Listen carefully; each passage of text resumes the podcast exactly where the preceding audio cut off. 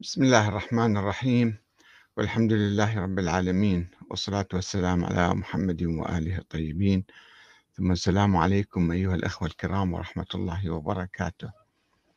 أضواء على الدستور السعودي. هل هو في خدمة الشعب أم في خدمة العائلة المالكة فقط؟ تحدثنا في الحلقات السابقة عن طبيعة النظام السعودي وكيفية قيامه على السيف والقوة والإكراه. ووعود الملوك المختلفين خلال مئة سنة خلال مئة المئة سنة الماضية وعودهم دائما بأنه سوف يعني نسن دستورا و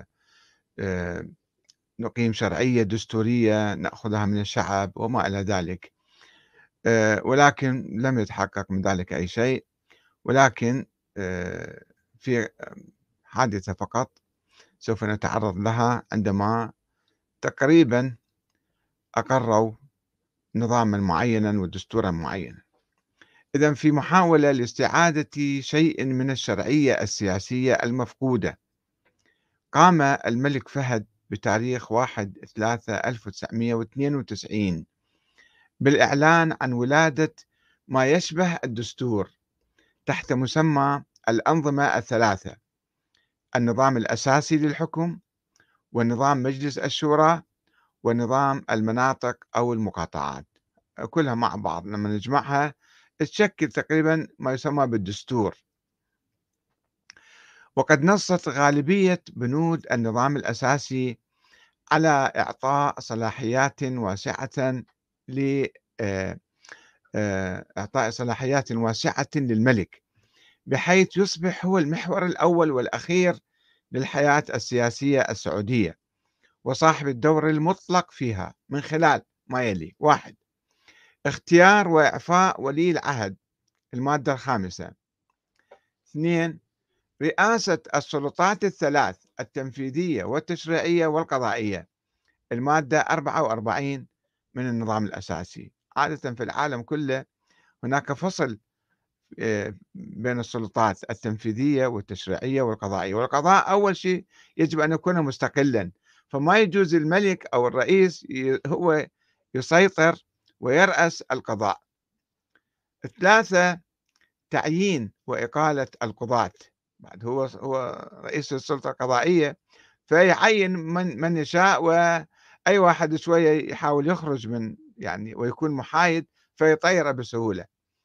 تعيين وإقالة القضاة وتنفيذ الأحكام القضائية المادة 50 والمادة 52 أربعة رئاسة مجلس الوزراء وتعيين وإقالة الوزراء وحل وتشكيل الوزارة المادة 56 و 57 يعني في الأنظمة الملكية الآن في العالم أنظمة ملكية دستورية الملك يسود ولا يحكم الحكم بيد الشعب بيد البرلمان مثلا يسوي انتخابات. أما في هذا النظام لا هو الملك هم يسود هم يحكم. فرئاسة الوزراء أيضا بيده هو ملك وهو رئيس وزراء في نفس الوقت. خمسة تعيين وإقالة أعضاء مجلس الشورى. مجلس الشورى ليس منتخبا من الناس لا هو الملك يعين للمجموعة يسميهم مجلس الشورى. وأي واحد يتنفس يطيره بسرعة ويقيله فمن حقه تعيين وإقالة أعضاء مجلس الشورى. وحل المجلس. إذا المجلس في يوم من الأيام شوية راد يخرج عن إرادة الملك مثلا فيحله وتعيين بديل له. بصراحة يعني أقول ذلك. المادة 68 ستة إصدار الأنظمة والمعاهدات. أنظمة بالمصطلح السعودي يعني القوانين. هم يستحرمون يقولون قوانين لأن القوانين بس من الله يسويها ولكن هم يقولون أنظمة. إصدار الأنظمة والمعاهدات والاتفاقيات الدولية والامتيازات وتعديلها أو إلغائها المادة 70 سبعة إصدار الميزانية العامة للدولة المادة 76 وين تصرف الأموال؟ وين تروح؟ وين تجي؟ من وين تجي؟ هذا هو الميزانية كلها بيديها. ثمانية الإنفاق من الأموال العامة خارج المقرر في ميزانية الدولة. هو بكيف الأموال كلها تصير مالته هي. فهو يصرف كيف كما يشاء. هذا مادة في الدستور في النظام الأساسي موجودة. فشيء عجيب غريب ما موجودة في كل العالم. الإنفاق من الأموال العامة مو أموال الخاصة أموال الشعب يعني خارج المقرر في ميزانية هو يضع ميزانية ثم يخرج عليها. أو يخرج عنها. المادة 73 تسعة تعديل النظام الأساسي. مو هو الآن جاب نظام أساسي؟ بكرة يغيره هو كيف أيضا. هذا راجع له المادة 83 عشرة الفصل في الخلاف بين مجلس الشورى ومجلس الوزراء. إذا مثلا الوزراء رادوا شيء والمجلس الشورى ارتأى شيء لا هو يجي يقول هذا آه، الرأي اللي هو يريده. المادة 17 من نظام مجلس الشورى. 11 تعيين أمراء المناطق ونوابهم ومحافظي المحافظات وأعضاء مجالس المناطق وعزلهم. في مجموعة من المواد المواد, المواد رقم أربعة وعشرة وستة عشر وعشرين من نظام المناطق. هو يعني كل الدولة كلها بيد شخص واحد. وفي الوقت الذي أعطى النظام الأساسي للملك تلك الصلاحيات الواسعة لم يشر أبدا إلى واجباته. طيب شنو هو مسؤول؟ شنو يسوي؟ شنو واجبات الملك؟ لم يتحدث عن هذا الموضوع أبدا ولم يسمح بإخضاعه لأي نظام محاسبة أو مساءلة أو حتى استفسار مثلا. ما يحق لك تسأل الملك أنت. كما هو الحال في دساتير العالم كلها. مما كرس الانفراد المطلق للملك في الحياة السياسية. صار هذا هو إله في السعودية وحافظ على صيغة النظام الملكي المطلق التي كانت قائمة فعلا منذ تأسيس النظام السعودي. يعني فقط سماها دستور جديد أو نظام جديد ونفس الحالة اللي كانت موجودة منذ مئة سنة حتى الآن هذا النظام كرسها وأكدها. وحافظ على صيغة النظام الملكي المطلق التي كانت قائمة فعلا منذ تأسيس النظام السعودي في مطلع القرن العشرين. ولم يوضح النظام الأساسي طريقة عزل الملك في حالات العجز أو سوء التدبير أو الانحراف مثلا. أيضا لم يتحدث عن الموضوع كأنه هذا يبقى معصوم ويبقى في كامل قواه العقلية. وإحنا شفنا عدد من الملوك يعني كانت كما يقولون أرجلهم دندلة بالقبر وهم قاعدين على كرسي وفاقدين قدراتهم العقلية ومع ذلك هو باقي اسمه ملك هذا. وكل السلطات بيديه. آه، يعني لم يوضح النظام الأساسي طريقة يعني التعامل طريقة عزل الملك حتى من قبل العائلة المالكة أو مجلس أهل الحل والعقد. كما يقولون يجي مثلا آه، ينظر في حالة الملك. في حين كان يفترض بالنظام الأساسي الجديد اللي سن الملك فهد أن يوضح طريقة العزل والجهة المسؤولة للقيام بذلك. كأن يكل الأمر إلى مجلس شورى مثلا كما هو الحال في معظم دول العالم أو مجلس أهل الحل والعقد حتى من العائلة المالكة. مجموعة من العائلة المالكة هي تقرر. هذا حتى هذا ما أشار إليه. وهكذا فقد أهمل النظام الأساسي الحديث عن هذا الموضوع الحيوي وتركه لمعادلات القوة في المستقبل. طبعا لم يتحدث عن كيفية انتخاب الملك مثلا أو كيف كيفية مجيء الملك أنه هو طبعا بالوراثة هذا الشيء أيضا مفروغ منه يعني هذا ما يحتاج واحد يتحدث عنه بعد. أنه هو بأبناء الملك عبد العزيز و آه، حسب التسلسل الأخوي وإذا واحد منهم قرر أنه يعطي الملك إلى أبنائه مات هذا ما, في معنى عنه. وبعد فترة بعد حوالي 15 سنة يعني شكل الملك عبد الله اللي خلف الملك فهد في أكتوبر 2007 هيئة للبيعة تتألف من 35 عضوا من أبناء المؤسس عبد العزيز الأحياء.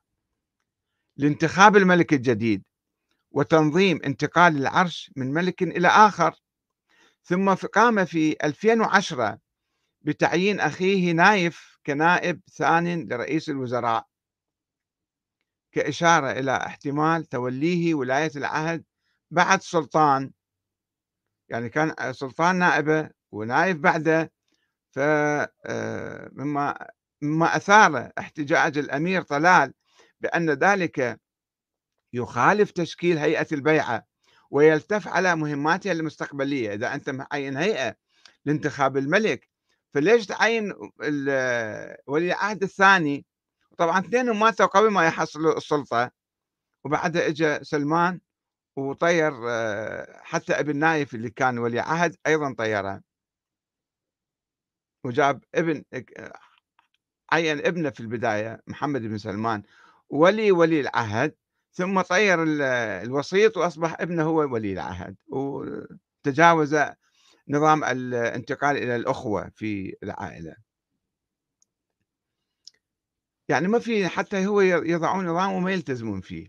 ومع أن النظام الأساسي نص في المادة ثمانية على أن يقوم الحكم على أساس الشورى ولكنه لم يوضح فيما إذا كانت ملزمة أم معلمة فقط. طبعا حتى مو معلمة تأتمر بأمره كله. وقد صدر نظام خاص بالشورى نص على أن مجلس الشورى يقوم على أساس التعيين من الملك وليس على أساس الانتخاب من المواطنين. وبالتالي لم يمتلك المجلس حق التشريع تشريع القوانين والأنظمة على حسب مصطلحهم. والمحاسبة والمراقبة. هذه المهمات الأساسية في أي مجلس شورى في العالم أن يراقبون الحكومة يشرعون القوانين يحاسبون الفاسدين ما له حق يقوم بهذا العمل أو بهذه الأعمال. وتقديم المشورة الإلزامية للحكومة طبعا ما يتمكن يقدم هاي المشورة. وإنما التوصية بالقوانين فقط. يعني يدرسون بعض القوانين اللي يحتاجون إلها ويقدموها للحكومة ويوصون بها فقط. كما جاء في المادة 17 من نظام مجلس الشورى. وهذا تجدون الحديث عنه مفصل في كتاب الدكتور أحمد عبد الله إبن باز. آه، النظام السياسي والدستوري للمملكة العربية السعودية صفحة 322 يشرح شلون هذا مجلس الشورى آه، معين يعني. ولم يمتلك أعضاء المجلس أي حصانة سياسية في كل العالم مجالس الشورى البرلمانات عندهم حصانة يعني حتى يتحدثون يفكرون يعملون يعارضون يقننون. هذا المجلس في السعودية ما عنده حصانة. وإنما ألحقوا وظيفيا بنظام الخدمة المدنية كانوا موظفين بحيث يسمح للسلطة باتخاذ إجراءات إدارية ضد أي واحد منهم. يفصلوه يعاقبوه يحبسوه. ما يتمكن يعبر عن رأيه ومحاكمتهم ومعاقبتهم مما أفقد المجلس الحرية والاستقلالية والقدرة على التصدي للسلطة التنفيذية أو محاسبتها. يعني فقد دورة ما عنده أي دور في مقابل السلطة التنفيذية اللي هي بيد الملك. يقول الدكتور أحمد بن باز تنص المادة السادسة من نظام مجلس الشورى على أنه إذا أخل عضو المجلس بواجبات عمله يتم التحقيق معه ومحاكمته وفق قواعد وإجراءات تصدر بأمر ملكي. وقد صدر أمر ملكي ملكي يحدد قواعد التحقيق والمحاكمة لعضو مجلس الشورى وإجراءاتها إجراءات المحكمة. وينص على معاقبته بإحدى العقوبات التالية. أليف توجيه اللوم كتابة. إذا واحد شوية تنفس وقال كلمة معينة يوجهوا له كتاب يلوموه فيه أنه ما, ما لك حق تتكلم هالكلام. باء حسب مكافأة شهر يقطعون راتبه المسكين. جيم إسقاط العضوية سقطوه اطردوه برا. مع إمكانية رفع الدعوة العامة أو الخاصة على العضو. هذا شو يسوي؟ سيف مسلط على رأسه ويقول أنا نائب أو أنا مثلا عضو مجلس شورى. هذا نفس الكتاب أحمد باز صفحة 228 وبالطبع أن مجلس الشورى بين قوسين هذا افتقد أي صلاحية في ممارسة الرقابة والنقد والمحاسبة. ليس للملك وإنما أيضا لأي أمير في أي وزارة أو أي إمارة أو دائرة حيث أعتاد الأمراء على البقاء في مناصبهم طول حياتهم دون رقيب أو حسيب. فهذا مجلس الشورى كل شيء يقدر يسويه. حاطيه هيكل فقط يعني صورة كرتونية.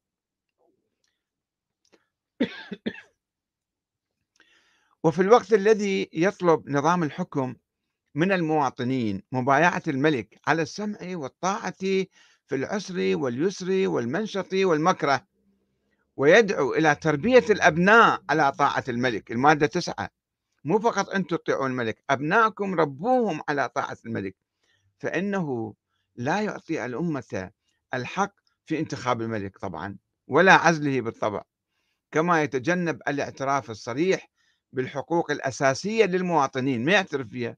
فإذا انتهكها الملك هذا شيء عادي. مو خلاف الدستور هذا الدستور يعطيها السلطة هذه. خصوصا حرية العقيدة حرية الرأي والتعبير. والحق في المشاركة السياسية عبر تشكيل الأحزاب أو النقابات مثلا أو الجمعيات ما لكم حق.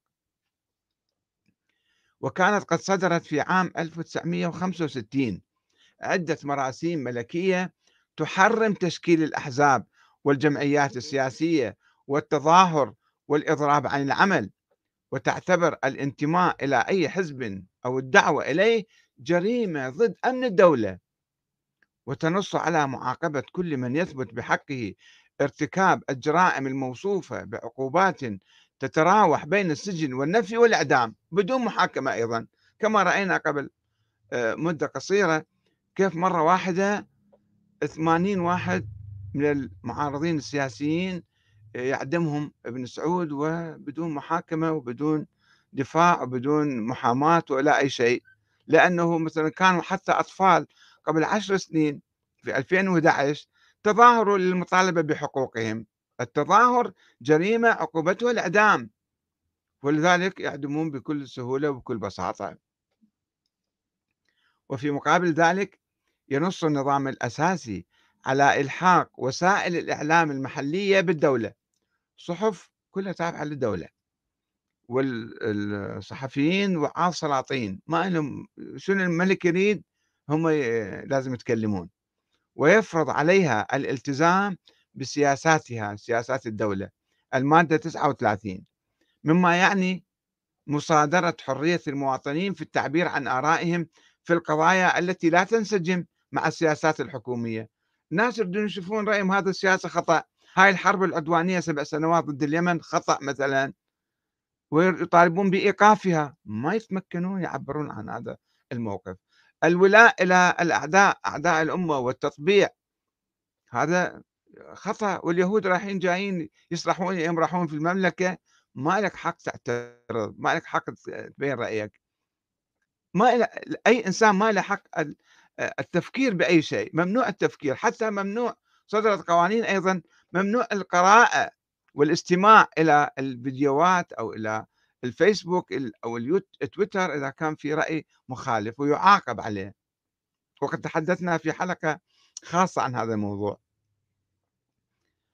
ويؤكد النظام الأساسي أن لا دور للشعب في تعديل أي مادة من مواد النظام هذا النظام الأساسي. ما الشعب ما له علاقة فيه. الملك أعطاه هدية للناس وما سوى شيء. يعني ما أعطى للناس أي أي حقوق وأي حريات. إنما كرس لنفسه الحقوق والحريات المطلقة ولم يعطي أي شيء للشعب. والشعب ما له حق أن يفكر بتعديل هذا الدستور. وإنما يجري ذلك إذا واحد يريد يعدل الدستور يجري بنفس الطريقة التي تم بها إصداره يعني بالإرادة الملكية. كما هو صريح المادة 83 بينما إحنا نشوف ال ال ال الدساتير في العالم إما بعد قيام ثورات شعبية وتصير انتخابات دستورية آه، ينتخبون مجلس دستوري يسن الدستور ثم يعملون على ضوءه. النظام السياسي يقوم على ضوء ذلك الدستور الذي قننه الشعب عبر ممثليه المنتخبين بحرية. هنا لا في ممثلين ولا في منتخبين ولا هم يحزنون. الملك آه، أقر هذا الدستور وهو يلغيه ويعدله بكيفه. ولقد تكرر في النظام الأساسي النص على استناد الحكم إلى كتاب الله تعالى وسنة رسوله كما في المواد واحد وخمسة وستة وسبعة. دائما إحنا نعمل في آه، كتاب الله وسنة رسوله. ولكنه لم يوضح النصوص التي يستند إليها في شرعيته. وين هاي النظام يكون ملكي ويسيطر بالقوة وبالسيف وبالإكراه ويأخذ بيعة بالإكراه من الناس؟ هذا وين موجود بالقرآن؟ لم يوضح ذلك. وطبيعته الوراثية وحصر الحكم في العائلة السعودية. كما جاء في المادة رقم خمسة أن الحكم محصور في العائلة السعودية. هذا وين موجود بالقرآن؟ أو سنة الرسول مثلا أو سيرة الشيخين وسيرة الخلفاء الراشدين. ما موجود هالشيء هذا. بس كذب يعني من باب خداع الناس أنه إحنا ملتزمين بكتاب الله وسنة رسوله. ونصت المادة 14 على أن جميع الثروات التي أودعها الله في باطن الأرض أو في ظاهرها أو في المياه الإقليمية أو في النطاق البري والبحري الذي يمتد إليه اختصاص الدولة وجميع موارد تلك الثروات ملك للدولة. بدلا من أن تقول هذه المادة أن الثروات ملك للشعب السعودي. لا الدولة الدولة من هي؟ هي الملك فقط. وذلك لأن الدولة هي ملك لآل سعود ولا دخل ولا رأي للشعب فيها. يريد يعطي مليارات 400 مليار 450 مليار مرة واحدة يعطيها إلى ترامب مثلا أو ابنة أو مليارات إلى كوشنير آه، صهر ترامب هذا كيف يوزع بالمليارات كما يشاء.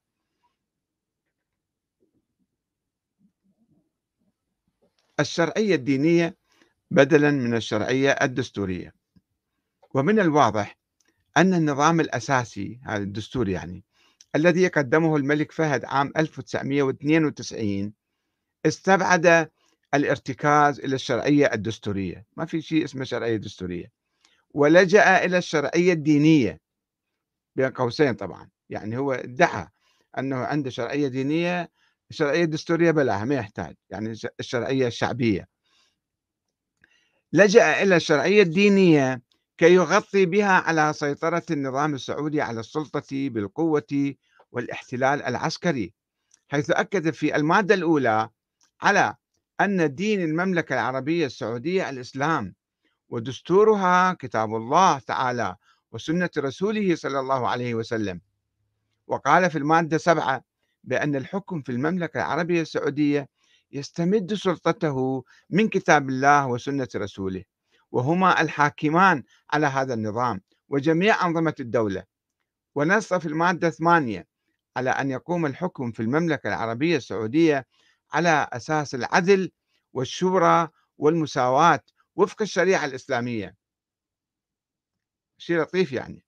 وأن يقوم الملك بسياسة الأمة سياسة شرعية طبقا لأحكام الإسلام ويشرف على تطبيق الشريعة الإسلامية كما جاء في المادة 55 وكذلك نص في المادة 23 على أن الدولة تحمي عقيدة الإسلام وتطبق شريعته وتأمر بالمعروف وتنهى عن المنكر وتقوم بواجب الدعوة إلى الله.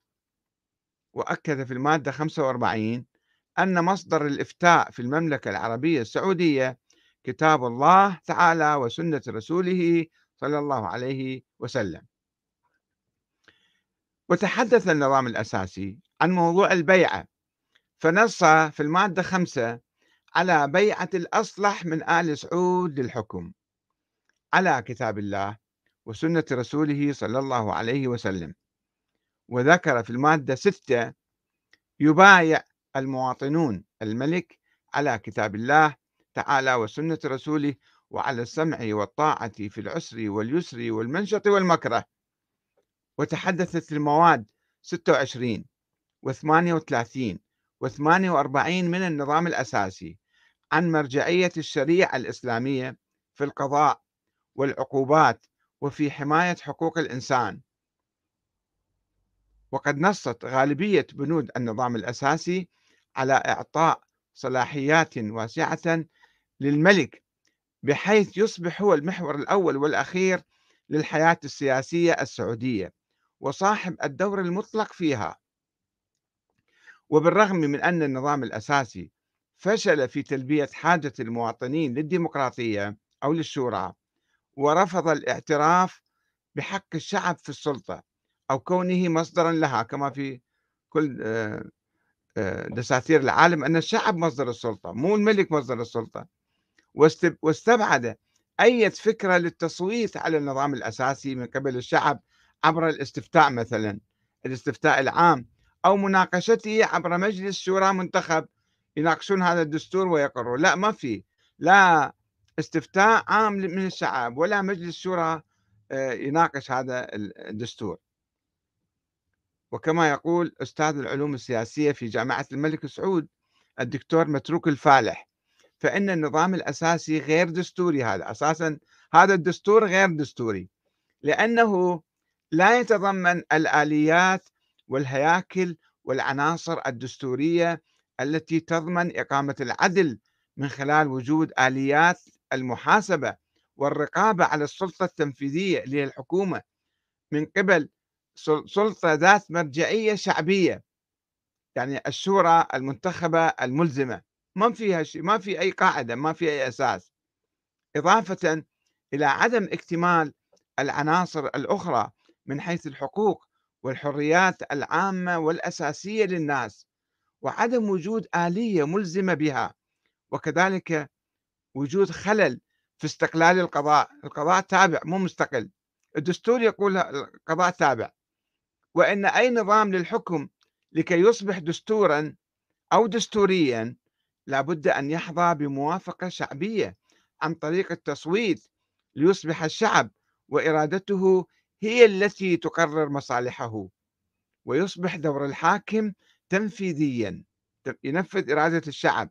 وليس أي مرجعية أخرى على أن تكون ممارسة الدولة اللي هي الحكومة تدل بوضوح على التزامها بالحقوق والحريات والرقابة والمحاسبة عليها من قبل السلطات الأخرى أو بالاحتساب عليها من قبل المجتمع عبر هياكل ومؤسسات المجتمع الأهلي المدني الجمعيات والاتحادات والروابط إلى آخرها مثل الأحزاب مثلا. ويخلص الفالح إلى القول بأننا في السعودية أمام نظام للحكم ليس دستوريا على الإطلاق. إذ نحن أمام حكم ملكي ذو سلطة مطلقة والملكية ذات السلطات المطلقة غير دستورية. الخلاصة لقد ولد النظام السعودي عن طريق انقلاب عسكري على حاكم الرياض سنة 1902 واحتلال بقية المناطق السعودية بالقوة ولذلك اتسم هذا النظام بالصفة الفردية الاستبدادية في الحكم وبإقصاء عامة الشعب وعدم إجراء أي انتخابات شعبية أو إقامة مجالس شورى منتخبة. وبمصادرة الحريات السياسية الأولية كحرية العقيدة والتعبير والتجمع وما إلى ذلك. وقد اعتمد النظام السعودي على ادعاء الشرعية الدينية بالرغم من فقدانه لصفة الالتزام الديني في كثير من الأحيان وانتهاكه لقواعد الشريعة الإسلامية وهو ما دفعه للارتكاز على نظرية شرعية الأمر الواقع الموروثة في الفكر السياسي السني. ولم يطرح النظام السعودي دستورا لحكم البلاد إلا بعد حوالي تسعين عاما من تأسيسه. وجاء الدستور كمنحة ملكية ومفرغا وبعيدا عن إعطاء أي دور للشعب في انتخاب ممثليه إلى مجلس الشورى أو مراقبة الحكام ومحاسبتهم وعزلهم وتغييرهم فضلا عن إمكانية تغيير النظام أو تعديل الدستور من قبل الشعب واختيار نظام جمهوري مثلا. هذا أصلا لا يفكر فيه الشعب. وبالرغم من أن النظام السعودي ينتمي إلى الفكر السني الذي يؤمن تاريخيا بالشورى قبل ألف سنة يعني واختيار الإمام من قبل الأمة عبر أهل الحل والعقد والذي مر بعدة محطات ثم وصل أخيرا إلى الفكر الديمقراطي الدستوري في بداية القرن العشرين. الفكر السني تطور. في بداية القرن العشرين وصل الفكر السني العام إلى الفكر الديمقراطي الدستوري حتى في ظل الخلافة العثمانية. إلا أنه هذا النظام السعودي ابتعد كثيرا عن ذلك الفكر والتزم بمبدأ الاستبداد والدكتاتورية المطلقة والشرعية الدينية بين قوسين وذلك بسبب غياب الشعب السعودي عن المشاركة السياسية أو صياغة النظام السياسي. ما له دور في ذلك وبالتالي فشل في الحفاظ على حقوقه المختلفة حقوق الشعب. وفي إقامة نظام عادل أو علاقة عادلة بين الحكام والمحكومين ضمن دستور منبثق من إرادته. وظل الشعب السعودي يعاني من الحكم الفردي المستبد المطلق ويخضع لنظريات سياسية متطرفة قال بها بعض الفقهاء السنة في التاريخ كالإمام أحمد بن حنبل وابن تيمية ومحمد بن عبد الوهاب. وتمناها وتبناها النظام الحاكم دون مناقشة أو رضا من الشعب بل بقوة السيف والغلبة والأمر الواقع. وبالرغم من أن الحركة الوهابية المتحالفة مع النظام السعودي منذ ثلاثة قرون رفعت شعار التوحيد وكفرت كثيرا من الحكام والطوائف الإسلامية بحجة مناقضة شروط التوحيد إلا أنها غضت الطرف عن ارتكاب النظام السعودي لكثير من الأعمال والمواقف والسياسات المنافية لشروط الإيمان حسب العقيدة الوهابية. وأضفت على هذا النظام الشرعية الدينية أو شرعية الأمر الواقع ورفضت الخروج عليه أو تغييره بالطرق السلمية وهبت لمكافحة الفكر الديمقراطي باعتباره كفرا وإلحادا وشركا بالله تعالى وتشريعا إنسانيا في مقابل الله. وأصرت على تناقض الإسلام مع الديمقراطية تناقضا جذريا بحيث لا يلتقيان. وهو ما صب في خانة النظام السعودي والاستبداد المطلق ومنع الشعب السعودي من تطوير ثقافته السياسية الديمقراطية ووعيه الدستوري والتحرر من الطغيان. والسلام عليكم ورحمة الله وبركاته.